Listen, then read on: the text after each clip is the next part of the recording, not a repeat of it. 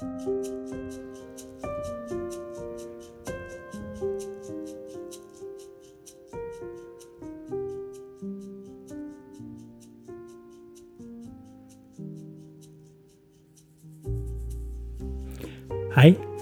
kan jeg få dele et håpsord med deg? Jeg har kalt det for Der ser du. Hva jeg ser? Et nakent, forfrosset, magert og ensomt tuntre med tvilsomme utsikter til å overleve vinteren, svarte jeg. Den stolte kråka så skuffet på meg. Hun hadde nettopp landet i toppen av det unge, spinkle tuntreet utenfor pilegrimsgarden der jeg spiste frokost. Treet skalv så alvorlig under vekten av den høyrøstede, plasskrevende fuglen at jeg et øyeblikk lurte på om den skjøre stammen skulle knekke. Hva ser du? hadde hun nettopp spurt, og jeg hadde svart, så ærlig og oppriktig jeg kunne. Fly opp hit og se sammen med meg, kvitret fuglen. Det er da ikke plass til å holde én meters avstand i toppen av det treet, mumlet jeg bak vinduet. Gi vinger til hjertets øyne, sa fuglen.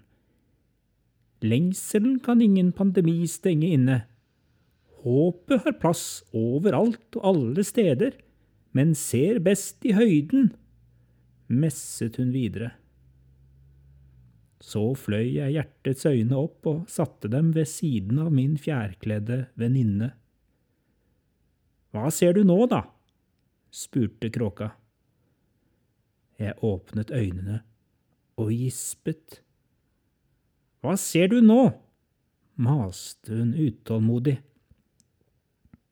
Jeg ser et tre som fyller hele tunet med sine mektige grener, begynte jeg.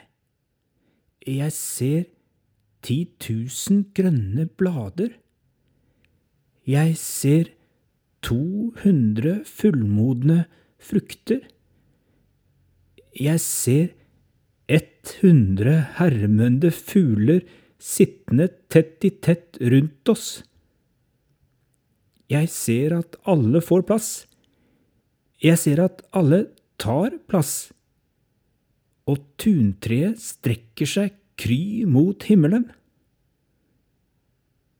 Den freidige kråka var ingen ensom svale. Hun nikket fornøyd til meg. Der ser du, sa hun. Men når det har vokst opp, er det større enn andre hagevekster, sier Jesus.